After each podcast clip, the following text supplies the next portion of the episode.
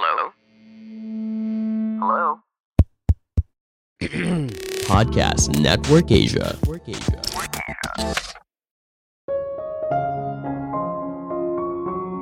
Hidup yang bahagia dan berumur panjang bukan soal harta, bukan juga soal pola makan dan olahraga rutin. Tapi rahasianya ada pada hubungan sosial antar manusia.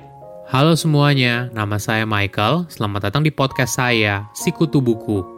Kali ini saya akan bahas soal rahasia dari hidup yang bahagia berdasarkan riset ilmiah.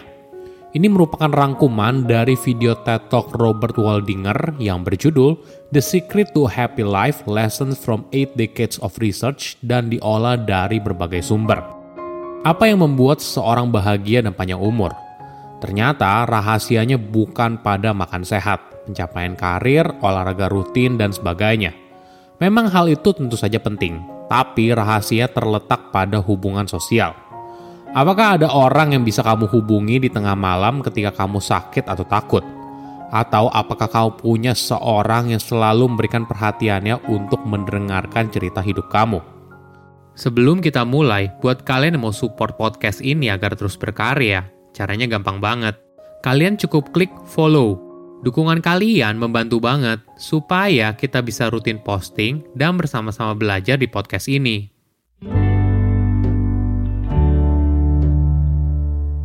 Apa jadinya ketika para ilmuwan meneliti resep hidup bahagia? Mungkin saja hal ini menjadi cikal bakal sebuah penelitian yang sangat panjang bernama Harvard Study of Adult Development. Boleh dibilang penelitian ini merupakan studi terpanjang yang pernah dilakukan karena mengikuti responden sejak tahun 1938 dari remaja hingga dewasa dan sekarang berlanjut ke anak mereka. Awalnya studi ini dimulai dari dua grup, Grup pertama berisi sarjana dari Harvard, dan grup kedua berisi anak laki-laki yang berada di SD atau SMP dan berasal dari keluarga yang kurang mampu. Tujuannya adalah untuk mencari tahu jalan terbaik bagi hidup seseorang. Namun dari situ studinya terus berkembang. Grup kedua yang awalnya hanya terdiri dari anak laki-laki lalu ditambahkan anak perempuan hingga jumlahnya mencapai setengah. Sekarang sudah berkembang hingga ke generasi kedua. Jadi total responden awal sekitar 724 orang. Sekarang respondennya mencapai lebih dari 2000 orang. 30 tahun lalu, Robert menemukan kalau ada korelasi antara hubungan sosial yang hangat dan hidup yang baik.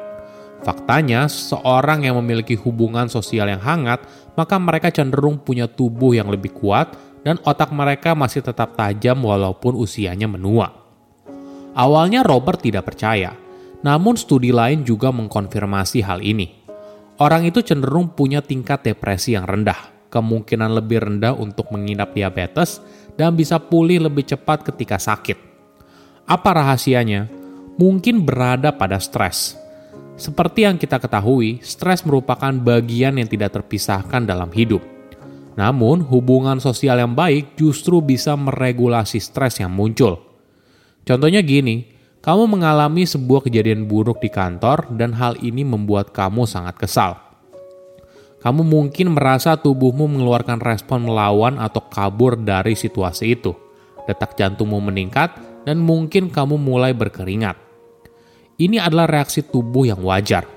Namun, ketika kamu pulang, kamu punya sesuatu yang bisa jadi teman cerita, entah keluarga atau pasangan Mungkin saja perasaan kamu jadi lebih lega setelah cerita dan respon tubuh melawan atau kabur menjadi berkurang secara signifikan. Bagaimana bila tidak ada? Bagaimana bila kamu tidak punya seorang yang jadi teman cerita?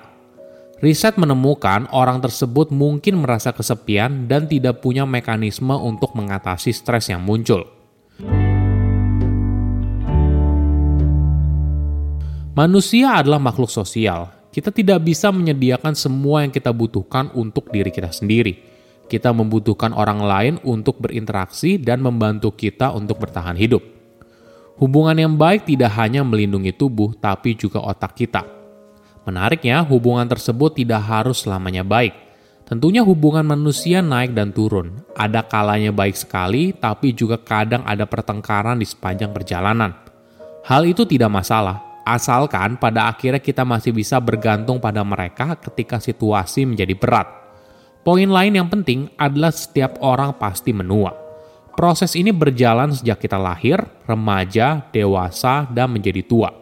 Jadi, kita perlu terus menjaga tubuh kita sendiri, ibaratnya hingga usia kita mencapai 100 tahun, dan mungkin saja kita bisa mencapainya. Hubungan sosial juga berpengaruh pada usia seseorang. Ketika seseorang yang berusia 80-an tahun ditanya momen apa yang membuat mereka paling bangga, hampir semuanya bercerita soal hubungan sosialnya. Mereka tidak bilang saya menghasilkan banyak uang, atau saya memenangkan banyak penghargaan. Tapi mereka bilang saya adalah mentor yang baik, saya adalah teman yang baik, saya membesarkan seorang anak yang baik, saya adalah pasangan yang baik, dan sebagainya. Nah, pertanyaannya, apakah harus hubungan sosial yang dekat? Ternyata tidak. Hubungan sosial apa pun punya efek positif pada kesejahteraan pribadi. Jadi, hubungan pertemanan, keluarga, rekan kerja, dan bahkan hubungan kasual, misalnya interaksi kamu dengan barista tempat kamu membeli kopi setiap pagi, atau abang tukang bubur tempat kamu beli sarapan setiap hari, dan sebagainya. Berinteraksi dengan orang asing juga punya manfaat loh. Robert melakukan sebuah eksperimen yang membagi responden menjadi dua kelompok di stasiun kereta bawah tanah. Di kelompok pertama, mereka diberi tugas untuk berbicara dengan orang asing. Sedangkan di grup kedua, mereka hanya melakukan aktivitas mereka secara normal, misalnya sibuk dengan handphonenya atau mendengarkan musik. Hasilnya menarik. Grup pertama yang awalnya tidak nyaman ketika diminta berbicara dengan orang asing, justru pada akhirnya lebih bahagia daripada grup kedua yang hanya menjalankan aktivitas rutin mereka. Bagaimana kita bisa memperkuat hubungan kita dengan orang lain? Mungkin kita bisa menggunakan analogi olahraga. Ketika kita melakukan olahraga fisik, misalnya lari, pergi ke tempat gym, dan sebagainya, lalu saat sampai di rumah kita bilang kalau kita tidak akan melakukannya lagi. Tentu saja tidak kan? kita merasa perlu melakukan olahraga rutin untuk menjaga kebugaran tubuh. Sama halnya dengan hubungan sosial. Kita sering kali menyepelekan hubungan sosial. Kita merasa walaupun jarang kontak, tapi hubungan tetap dekat kok. Ternyata tidak. Hubungan sosial yang baik perlu dirawat, butuh perhatian dan kontribusi dari masing-masing pihak. Tipsnya adalah jadi proaktif. Hubungi teman kamu dan ajak ketemuan Luangkan waktu untuk ngobrol dan saling bercerita. Jangan lupa juga dengan orang terdekatmu, entah keluarga atau pasangan. Mereka merupakan orang yang sering kali kita sepelekan. Kita menganggap kehadiran mereka sebagai sesuatu yang seharusnya. Alhasil kita jadi kurang menghargai. Jadwalkan waktu untuk bertemu. Bisa sesederhana makan malam bersama. Kamu juga bisa memperluas lingkaran sosialmu dengan mengikuti komunitas atau menjadi sukarelawan. Ini merupakan tempat yang baik untuk memulai sebuah hubungan sosial, di mana kamu dan orang lain punya minat yang sama dan peduli atas hal yang sama. Perlu diingat, tidak selamanya hubungan sosial itu berjalan lurus. Ada saatnya hubungan menjadi renggang. Untuk menjalin hubungan, kita juga perlu belajar memberi dan meminta maaf. Ini adalah cara kita memperbaiki hubungan antar manusia Memang tidak mudah, apalagi jika orang itu pernah menyakiti kita atau justru kita yang melakukan sesuatu yang menyakitkan bagi orang lain. Namun, jika kita bisa memperbaiki hubungan yang rusak, maka itu akan jauh lebih baik. Silahkan komen di kolom komentar pelajaran apa yang kalian dapat ketika tahu informasi ini. Saya undur diri, jangan lupa follow podcast Sikutu Buku. Bye-bye. Pandangan dan opini yang disampaikan oleh kreator podcast, host, dan tamu tidak mencerminkan kebijakan resmi dan bagian dari podcast Network Asia. Setiap konten yang disampaikan mereka di dalam podcast adalah opini mereka sendiri dan tidak bermaksud untuk merugikan agama, grup etnik, perkumpulan, organisasi, perusahaan, perorangan, atau siapa pun dan apa pun.